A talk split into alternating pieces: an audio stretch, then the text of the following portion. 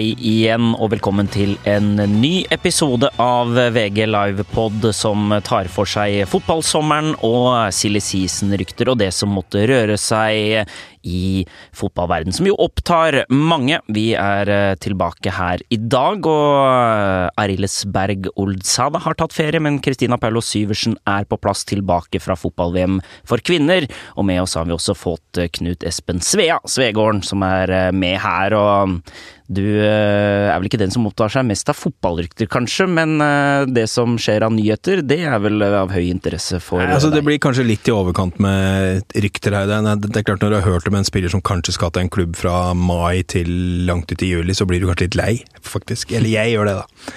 Det er sikkert mange andre som syns det er kjempegøy. Jeg syns ikke det. Vi begynner i hvert fall med et uh, rykte som kan uh, føre til noe, da. For Christian Eriksen, midtbanegeneralen i Tottenham, han var jo tidlig ute og sa at det faktisk kunne skje noe i sommer. I et intervju så, så sa han at det er opp til klubben nå. Det kunne være et rett tidspunkt for å ta et steg. Tottenham tapte Champions League-finalen, fikk virkelig bemerka seg internasjonalt denne sesongen. Det er jo rykter om at han er på husjakt i Madrid da. Hva ville skje om dersom vi skulle tape en spiller av det kaliberet?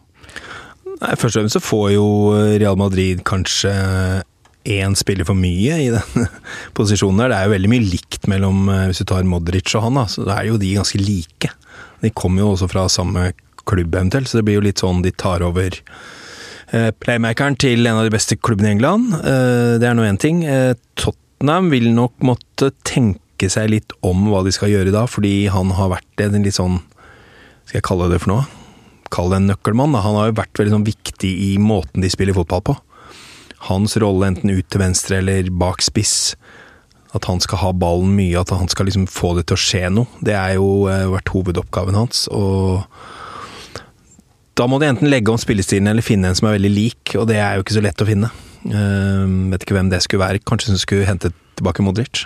Kanskje hente hjem igjen Modric, ja. bare ta en byttehandel ja, eh, der x antall år senere. Jeg tror, de, jeg tror ja, Madrid kan slite hvis de skal få plass til begge de, i tillegg til kanskje til Kroos òg. Så tror jeg kanskje det blir litt mye, for de må vel kanskje ha en, en sånn litt mer tøffing der òg, eller kanskje ikke. Det er jo i hvert fall godt uh, befolka, eller overbefolka i den Real Madrid-troppen akkurat nå. Det, det. det har jo vært uh, som vi har snakka om i, en tidligere podkast òg, at det ble jo meldt i Spania at nå er det litt sånn kjøpestopp egentlig hos Real Madrid, for nå er de nødt til å selge. Ja. Så det er jo x antall på en måte kjente og ukjente navn som er på vei ut døra der. Ja. Nå kvitta de jo seg med han eh, Marcos Llorente, mm. som de sendte litt, litt unna i byen, til Atletico Madrid. Som er på en måte litt den samme type spilleren som Modric og Christian Eriksen, da. Mm. Eh, og så er det jo, ja, det kan bli fullt på midtbanen der, men hvor gammel er Luka Modric blitt? 32? 32, tenker jeg. Ja, han tåler jo på en måte færre og færre kamper mm. per sesong, og hvis Real Madrid skal være der de skal være, så skal de jo konkurrere i tre turneringer samtidig. Fra august ja. til langt ut i mai, starten av juni, da. Um, og Christian Eriksen er jo en sånn, som du sier, det er jo litt sånn en kopi av av Modric til en viss grad. Gått den samme skolen. Mye likt. Gått, det, altså, det er veldig mye likt med karriereveien der, hvis han skulle ende i, eh, i Real Madrid, da. Der har det jo eh, Det ser jo ut som det er litt sånn kronglete å bli kvitt eh, alle der også. I og med at Hames Rodriguez kanskje ikke er det letteste å flytte på, sånn som det ser ut som nå. Eller da Bayern sier at de er i hvert fall ikke interessert i å, øh, å forlenge noen avtale med ham, eller kjøpe ham. Nei, altså Bare kort innpå han, så må, må jo innrømme at han har vært en liten skuffelse etter det fantastiske VM han hadde. Mm. Som så ung spiller, så har det liksom ikke, det har ikke blitt helt store. Altså. Det har ikke det. Uansett, jeg har prøvd å se etter noe, men det, er liksom, det mangler et eller annet som mangler. Finner seg ikke helt til rette. Uansett om det er i Spania eller Tyskland eller hvor han spiller hen. Altså. og den som kanskje ser ut som er vanskeligst, tydeligvis, å kvitte seg med fra Gareth Madrid, Bale. er jo Gareth Bale. Altså, ja, for alle vil jo egentlig ha typen og like spilleren, men han er så mye skada. Han er så mye skada, og han selv om Real Madrid er interessert i å bli kvitt den, tydeligvis, da, så de vil jo sikkert fire lite grann på, på overgangssummen der, men uh, han vil fremdeles koste mye penger. Mm. Og hvilke klubber er interessert i å betale såpass mye for en så skadeutsatt spiller? En som du ikke aner hvor mye kommer til å spille. Veit jo at toppnivået der er helt enormt, men han har vært så varierende, da. Det skal litt til å komme tilbake på det nivået når du er så mye skada. Du ser det med Fotballen går videre, og når du kommer tilbake på ditt nivå, så har fotballen gått videre. Og Det er jo ofte det som er eh, litt problematisk med, med disse som har så mange skader. Det er at de klarer ikke å komme seg videre fra sitt gamle nivå. Fordi det er vanskelig nok å komme tilbake dit. Så jeg ville ikke kjøpt en eh, altså Jeg, jeg syns skadehistorikk er undervurdert da, når klubber kjøper spillere. Uten jeg syns de ser kanskje litt for lite på det. Jeg aner ikke hvor han waliseren eh, kommer til å ende opp hen, for å si det sånn. Eh, Nei, det, virker, altså. det, virker, jo ikke som folk Altså, det virker jo ikke som noen er interessert i å kjøpe den. Det virker jo som Real Madrid kommer til å bli sittende igjen med han, da. Og Zidane er jo tydeligvis ikke interessert. Skal ikke se bort fra en liten byttehandel da, hvis de vil ha Eriksen. Ja, men men vil han tilbake til Tottenham? Vil han tilbake til Tottenham? Er Tottenham egentlig så interessert i å få han tilbake igjen? Altså Du skal se han ender i Southampton. På et tidspunkt så må du jo en sånn type alder som spiller finne et sted hvor du faktisk får spille også, hvis ja. du ønsker å få noe ut av de siste årene av karrieren. Men hvis du, hvis du går litt tilbake til det du starta med, da. Altså hvis, hvis, du ser på altså Tottenham hadde en litt rar sesong, du kan si. Sånn resultatmessig så er det ikke så gærent. Men de er ganske langt unna i de er, veldig langt unna i ligaen, og det er jo egentlig et under at de går videre fra, fra gruppespillet i Champions League. Så det er mange tilfeldigheter da, som gjør at du Det er selvfølgelig veldig godt gjort. Men det er mange tilfeldigheter òg, Det er bare noen centimeter som gjør at de slår ut City, f.eks. Um, så det er, det er, liksom litt sånn Mister de han nå? Hvor, hvor, går klubben? De har ikke kjøpt noe på snart to år. Um, hvor skal du handle? Hva er du ute etter? Altså de har egentlig bra med angrepsspillere, men jeg sliter litt med den midtbanen der, altså.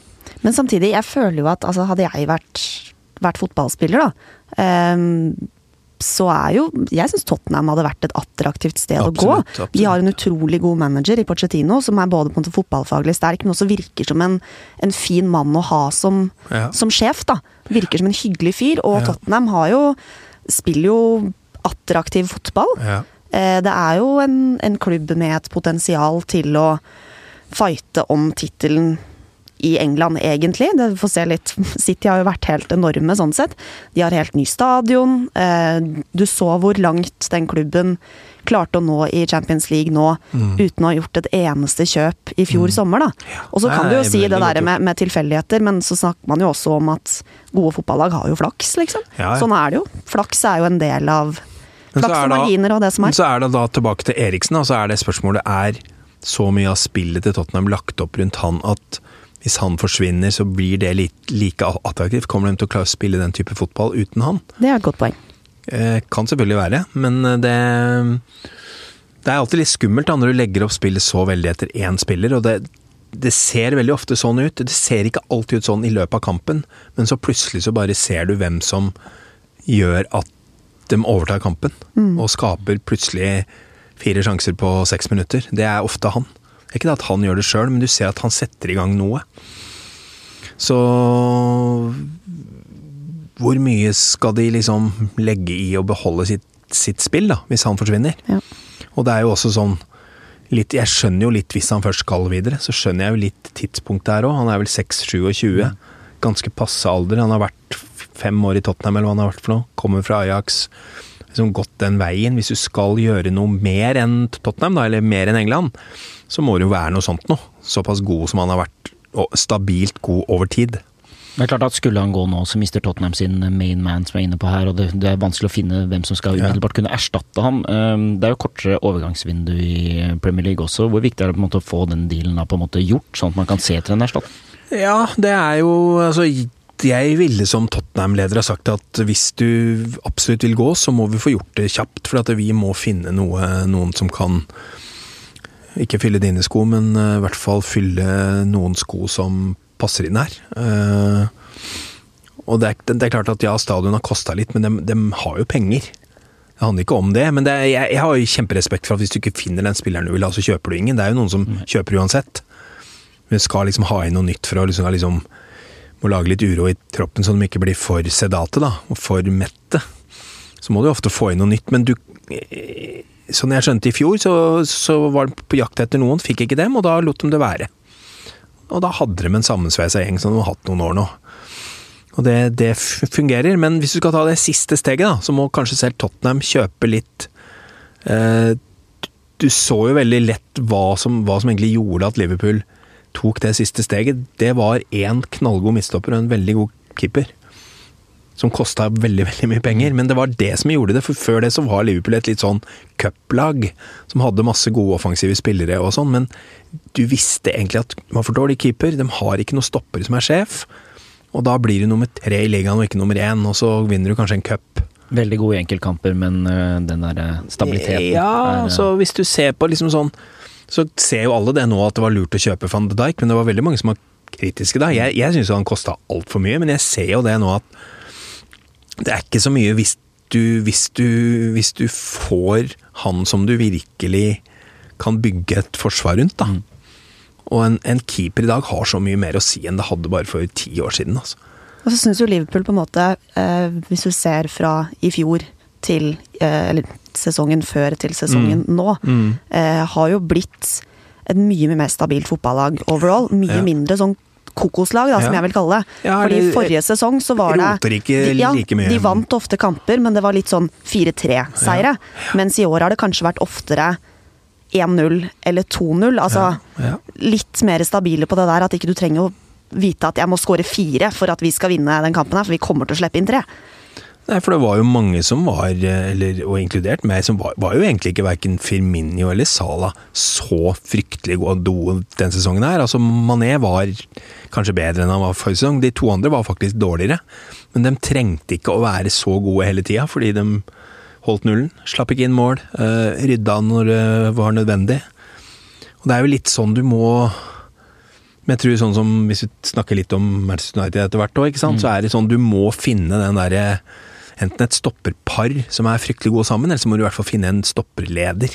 Du kan ikke I dag så har du ikke sjans, for det er for mange gode lag og mange gode spillere rundt deg. En veldig god introduksjon til vårt tema nummer to, okay. som naturligvis er eh, Manchester United. Der er det um, mye innspill uh, fra lytterne som vi skal uh, få inn uh, her etterpå. Fordi um, vi har en Instagram-konto som heter VG Livepod, hvor vi ønsker at dere sender oss direktemeldinger, slik at vi kan ha en kontakt med dere som hører på denne podkasten.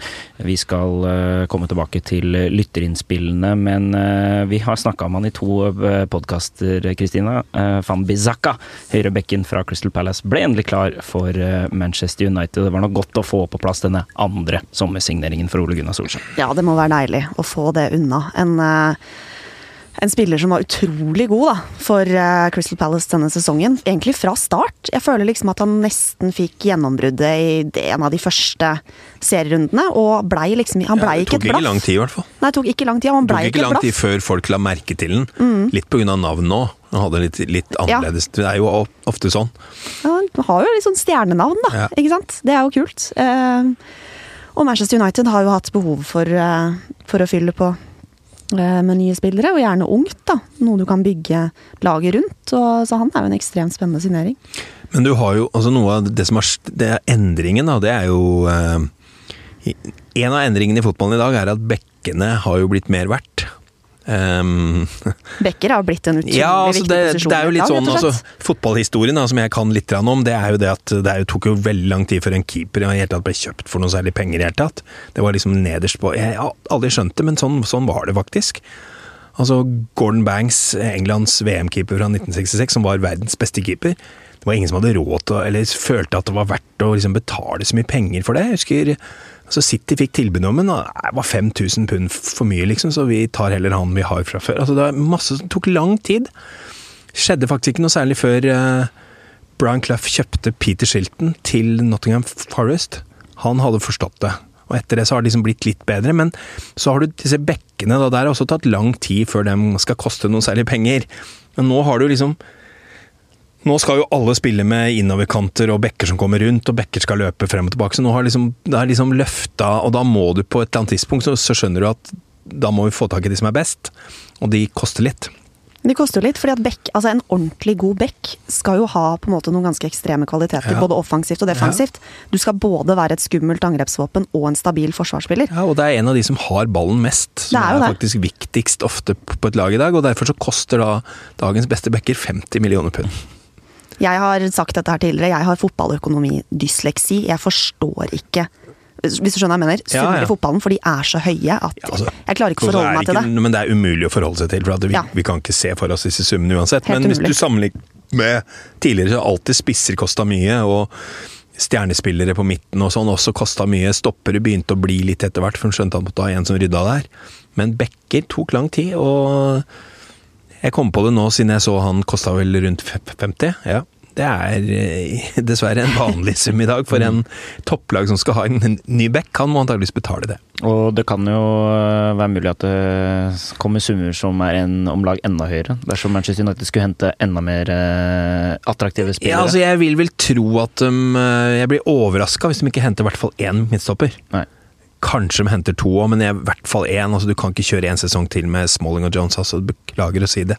Ja, det faktisk Det var to uh... veldig veldig gode stoppere når de var sånn 18-20 år, og spesielt Phil Jones har et voldsomt potensial. Men det er klart, når du er, du er skada en halv sesong hver sesong, så, så du havner lenger og lenger bak, og du må ta igjen, som vi snakka litt om i stad. Altså, det er vanskelig å komme tilbake når du har så mange skader. Smalling er en litt mer begrensa spiller, egentlig, som har noen kvaliteter, men liksom i dagens fotball så ser du de beste laga har stoppere som er litt annerledes, altså. Så jeg tror nok eh, du må leite litt godt der. Ideelle hadde selvfølgelig vært eh, han der Varan, men han tror jeg ikke de får tak i. Tror jeg Tror ikke noe på. Nei, det tror jeg Da ikke må på. de likt signere for øh, Jeg skjønner ikke hvorfor han skal gå dit nå.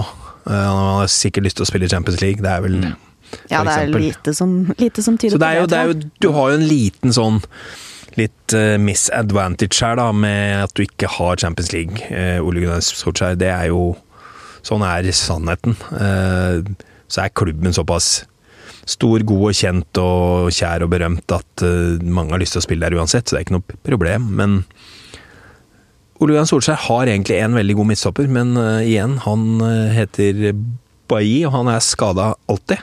Han er noe av det raskeste jeg har sett. Eh, hadde du hatt en skadefri Bailly som en av to bak der, så hadde du i hvert fall hatt én som har vært god nok. Eh, svenske Lindeløf syns jeg er litt middels. Jeg har fått veldig mye ros for at han har vært stabilt, ja vel.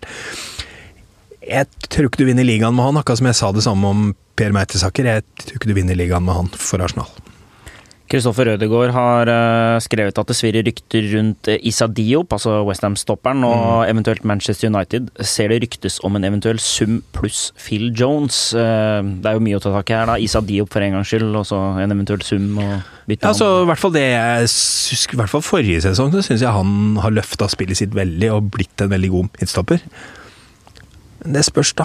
Hva kan du få tak i? Hva, hva, er, hva snakker vi om? Her snakker vi sikkert om 50 millioner her. Ja, det var vel snakk om opp mot 70 Ja. millioner pund, ikke sant. Ja. Nei, litt sånn, Jeg er litt usikker på om han er verdt det, men uh, det er ikke så mange du finner av dem, da. Nei, jeg ville nok heller uh, lagt uh, penga på bordet og gitt et ordentlig tilbud til Kolibali. Det ville koste Ja. enda mer, men uh, sannsynligvis en uh, mann som ville gått rett inn det er liksom en av de som det snakkes om. ikke sant? Det er jo stort sett de samme som blir snakka om hele tida. Fordi at du finner Det er ikke så mange av disse lederne. Nå så jeg han Bayern-stopperen gikk tilbake til Dortmund. Mm. Han er jo en litt sånn ledertype, men han er vel rundt 30, da, så da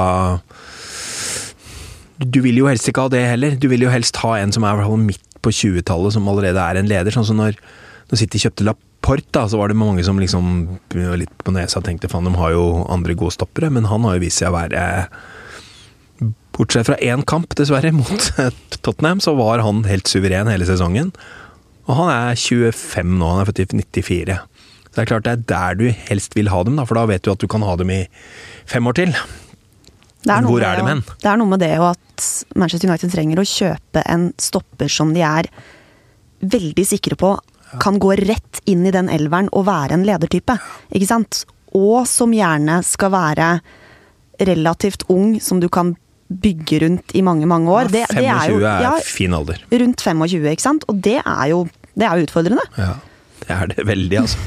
For du, skal, du skal leite ganske godt for å finne en Ja, vi kommer ikke på så veldig mange navn, og det er klart at andre har helt mye bedre oversikt enn det vi har, men, men du har stort sett hørt om dem hvis de er eh, 25 allerede veldig, veldig gode. Det har du, altså. Så det er ikke så lett å finne den derre så Den andre løsningen, da, som jeg sa i stad, det er liksom å finne et stoppepar som Altså når Manchester United ble ordentlig gode på begynnelsen av 90-tallet, så hadde de et stoppepar som var fantastisk godt. Én og én så var ikke de så jævlig gode. Eh, Steve Bruce var ikke rask, Gary Pallister var litt raskere, men de utfylte hverandre. Var veldig gode sammen. Så hvis du finner det, så kan du løse mange ting, men det, da må du være litt heldig òg, ikke sant? Det er ikke så lett, det heller.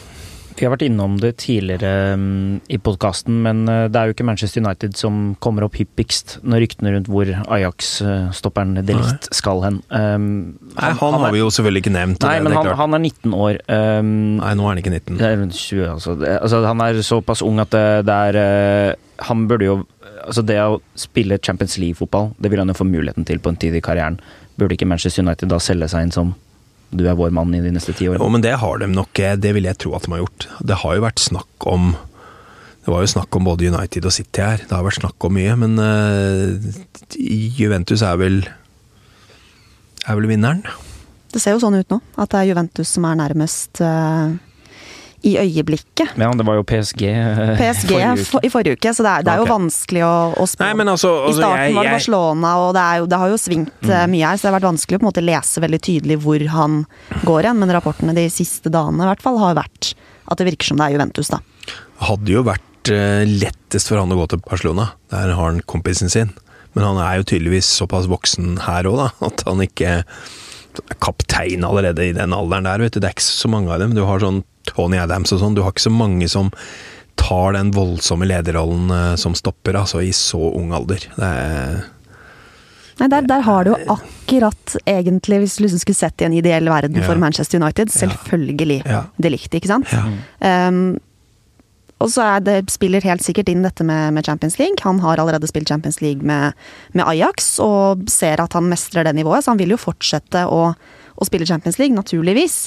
Um, og så må en jo på en måte se på Sannsynligvis årsaken til at Barcelona ikke er uh, et alternativ, er jo fordi at de har ganske etablerte, gode midtstoppere i troppen sin allerede. Uh, Juventus har vel mer, mer, aldrende stoppere. Nå så jeg vel at ja. Bonucci var vel rykta vekk Igjen? Jeg, ja, altså, så der er det på en måte Der er åpningene mm. for å, å, gå inn kjapt, da. Han må jo se etter der hvor det er åpning og der hvor han kan spille. Jeg, men, jeg, mener kanskje at det, altså det Champions League-argumentet kommer ikke unna det. Det er selvfølgelig sterkt, men for en fyr som er så uh, ung, så mener jeg at det, den sjansen kommer i Nei. Jeg er helt enig. Han har, har, god råd til å ta sjansen på en klubb som ikke spiller der ett år. Altså han ja. kan han kan spille her i to år òg, han er ikke med en 2-23 som kan gå et annet sted. altså Hvis han får den utviklingen som det ser ut som han skal få. Men du, han er fortsatt såpass ung etter min mening at du kan ikke 100 vite om han blir Korrekt. verdens beste midtstopper. Altså. Vips, så er han, for tidlig. Litt, får han en skade, og så henger skadene ved Altså det er så mye tilfeldigheter med det å være toppidrettsutøver, da, uavhengig av idrett, at uh, ja. en liten skade kan plutselig på en måte stoppe hele karriereutviklingen din. Ja. Og i ytterste konsekvens ødelegge den, liksom. Ja, for da må de hente inn en ny en, og så hvis han spiller godt, du kommer ikke inn i Altså, det er, det er hardt liv, for å si det sånn. Hardt liv. hardt liv selv om du tjener mye penger. Vi kan avslutningsvis i Manchester United-bolka uh, se litt på strategien for resten av uh, sommeren. For vi har hatt, fått et innspill her også, som jo er et uh, interessant tema fra Magnus. hvorfor ikke ta en Ajax og satse og hente ungt framover? Kanskje de må se seg selv i speilet og forstå at en sesong under pari er nødvendig for å bygge opp en ny sentralrekke à la Class of 92.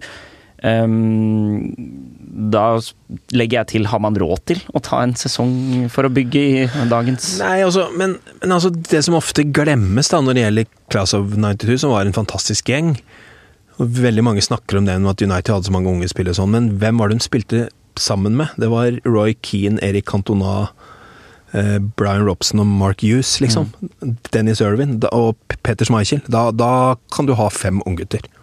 Går helt fint. Kunne vi gjort det nå, med den gjengen som er der nå? Det er akkurat det, ikke sant. At kan du satse på så mange unge da, når du ikke har disse definitive hederne? Det er jo, det er litt som jeg har sagt om det norske landslaget òg, at der er de Det norske herrelandslaget, der er de tre beste spillerne er antakeligvis født i 98. Hadde de hatt tre som hadde vært født i 1990, som hadde vært i toppklasse i Europa, så hadde jo Norge hatt et fantastisk lag. Så det er jo, det er jo litt sånn hvem, hvem gjør deg enda bedre, da?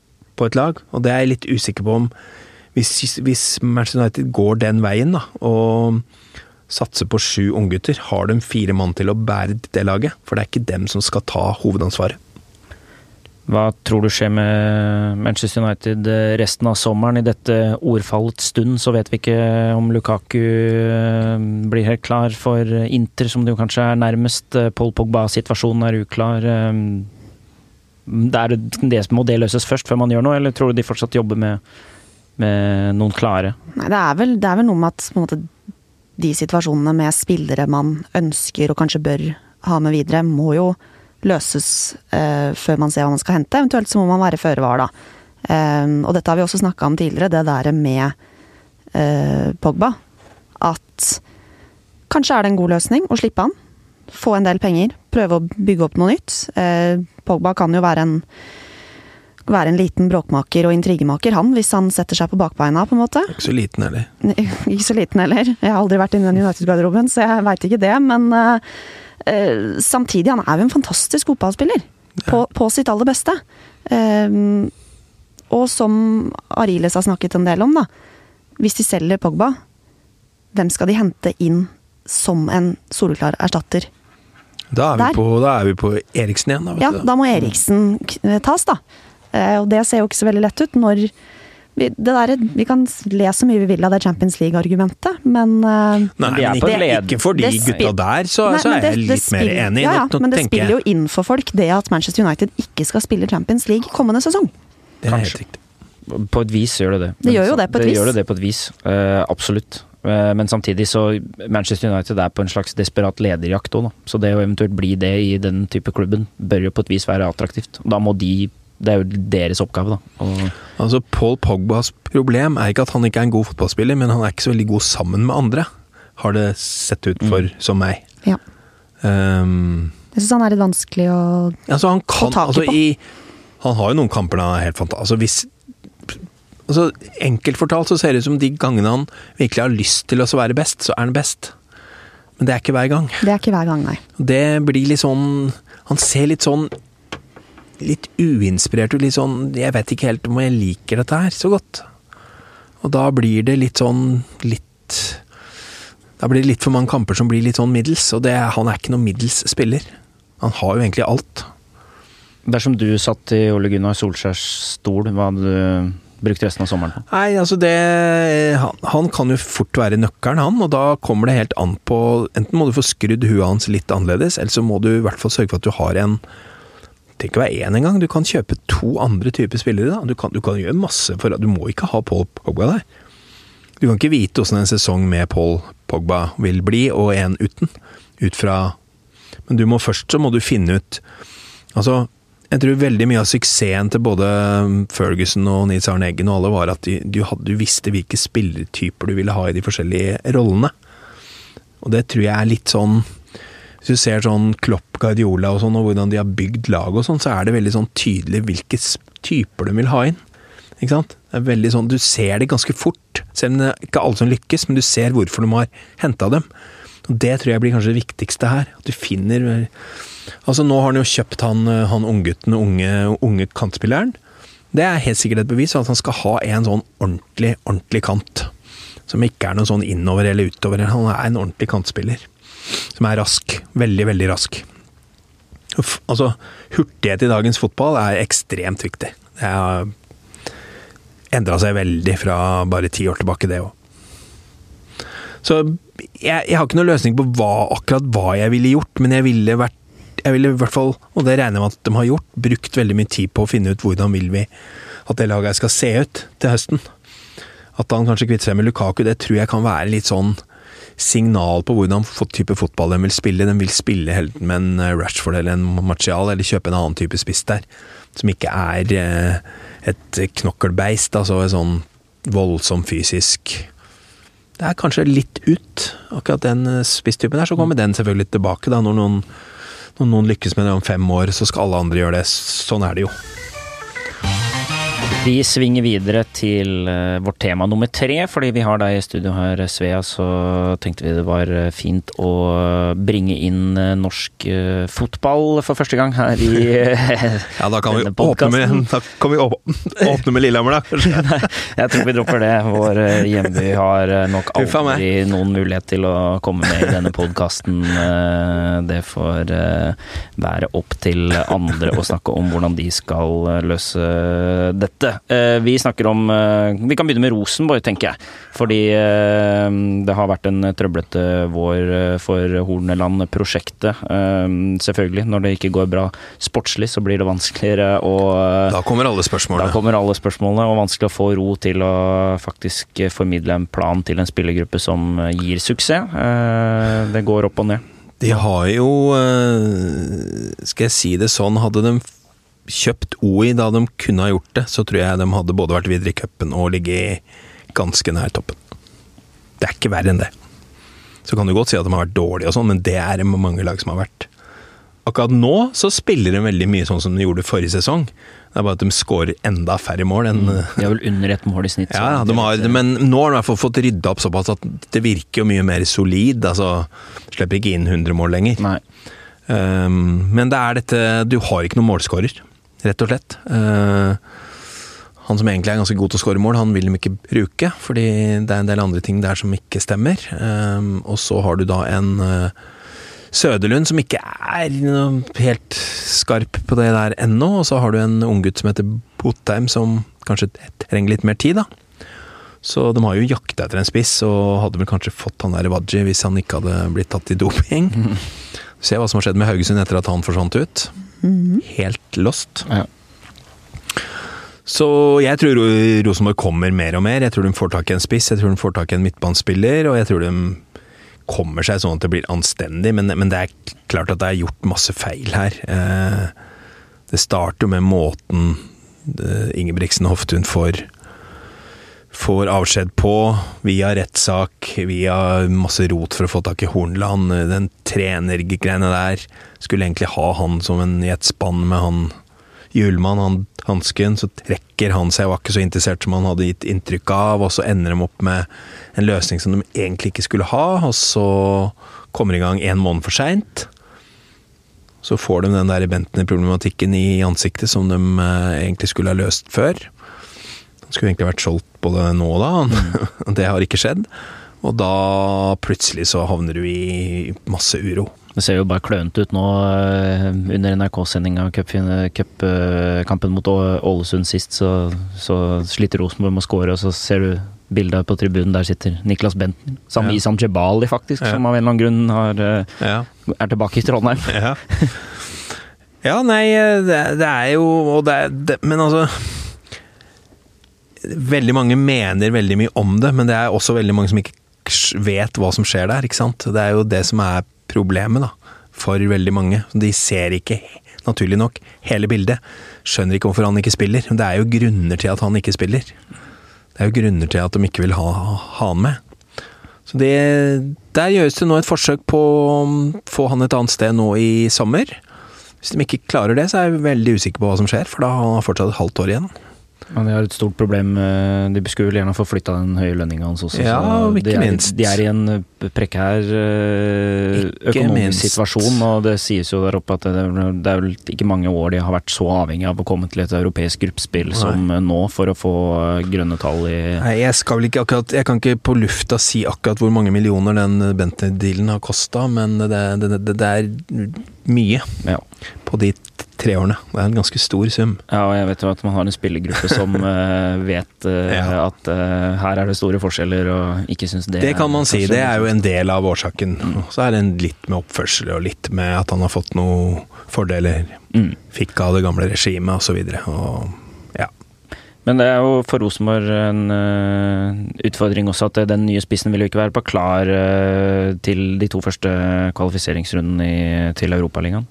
Nei, det ser, jo, det ser jo vanskelig ut. Og med at Alexander Søderlund bommer på straffe mot Ålesund, hever jo ikke akkurat hans selvtillit. Nei. Ikke sant? Enda høyere skuldre og mer nedbrutt da, ved at han ikke klarer å, å skåre mål. Jeg veit ikke helt hvem skal de bruke på topp der. Pælme inn han Botheim, da, som i hvert fall er uredd og blåser litt i alt. Han Jeg er jo en, Botheim- en kul fyr. Da han fikk sjansen, hadde han scora i en av de to kampene. Jeg tror jeg han hadde fått fortsatt. Men det er liksom Horneland har for mange utfordringer nå til at han kan tørre å liksom, Ja. satse Altså Han eh, fikk jo noen sjanser, og han, de har veldig stor tro på han. Men det, men det er klart at de sliter jo med at de kan jo selvfølgelig sette Adegbenro inn i midten osv. I noen type kamper så kan du jo det, men den vil jo helst ha en ha Altså Nå har de i hvert fall fått satt sammen Akentola og Adegbedro på kantene. Nå er de jo ganske skumle fra, fra kant, i hvert fall. Absolutt. Så er ikke den midtbanetrioen helt optimal heller, for at de har ikke De holder jo fortsatt på for å finne en eh, Selnes-erstatter, som jeg kaller det. Ja. Det har jo tatt altfor lang tid.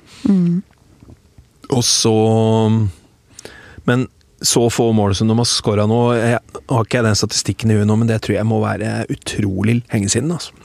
Men en spiller som jeg, jeg fikk på en måte ikke helt med meg at han forsvant heller, men som jeg alltid har, likt da de siste I hvert fall forrige sesong da han fikk muligheten, var jo han Jonathan Levi. Han svensken. Han Ble han solgt, eller ble han lånt ut? Mm. Han er vel lånt ut, tror jeg. Ja. Han syns jo jeg er en utrolig spennende, kreativ og frisk spiller, da. Mm. Jeg syns hver gang han fikk muligheten forrige sesong, så gjorde han noe, gjorde noe bra, rett og slett. Ja. Så jeg syns det var nesten et litt sånn rart valg at han skulle lånes ut.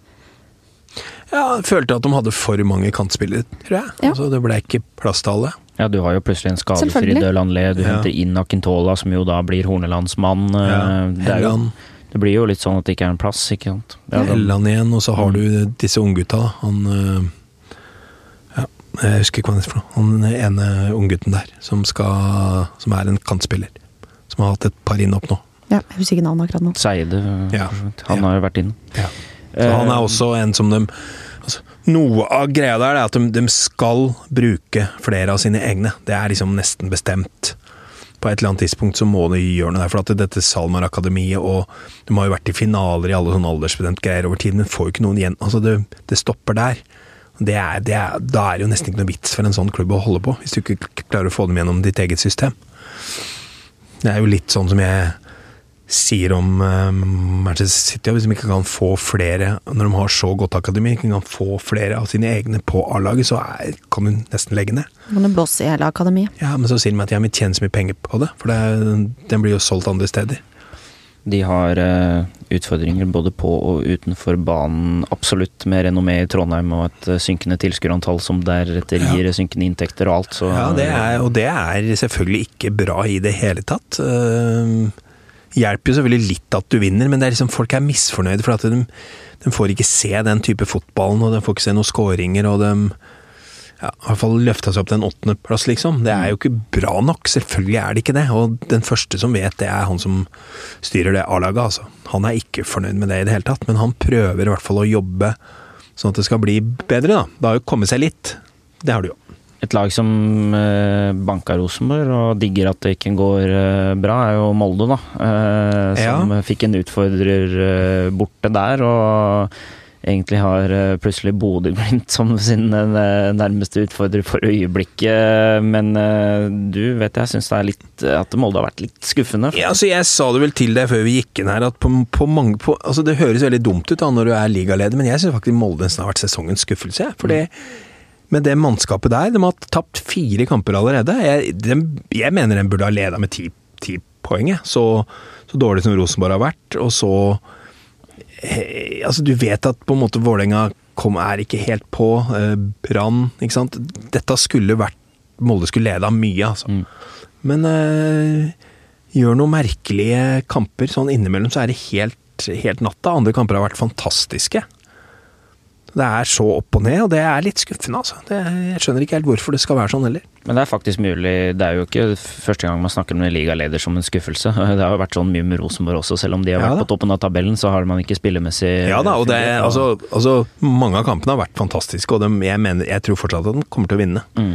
Men jeg syns liksom de har laga litt vanskelig for seg sjøl, når du, når du mm, har to kamper mer enn lag nummer to og ligger så vidt foran. Og det er liksom, vi er jo snart, det har jo gått snart halvspilt. De har du spilt 14, har de ikke det? Mm. Ja, da er de snart halvspilt. De har tapt fire allerede. Uh, når de er på, og når de får i gang spillet sitt og, og scorer, så, så kommer ofte mange mål. Da har man har hatt noen fantastiske kamper, men uh, sånn som nå Uavgjort hjemme mot Brann, liksom. Det, det holder ikke. Sorry, altså. Det har ikke akkurat skint av Lars Arne Nilsen og Brann-prosjektet? Nei, det, det, har det for så vidt ikke. Det er vel kanskje der det har vært mest kjeft, hvis du skjønner meg. Sånn mm. misfornøyde folk. Det er iallfall mitt inntrykk, da, via litt sånn Twitter og sånn, så får du inntrykk av at der er folk veldig misfornøyde, altså. Ja, nå vil de ha bort trener, og ja, den kommer selvfølgelig. Ja, ja da, klart det. Alltid, alltid letteste løsning. Vi eh, legger norsk fotball på hylla og tar inn eh, vår faste lytterspalte. For her er det dere som skal glimre med deres spørsmål mens panelet svarer på rykter oss og videre. Det er naturligvis det som ligger i bunken av det jeg har sett så langt.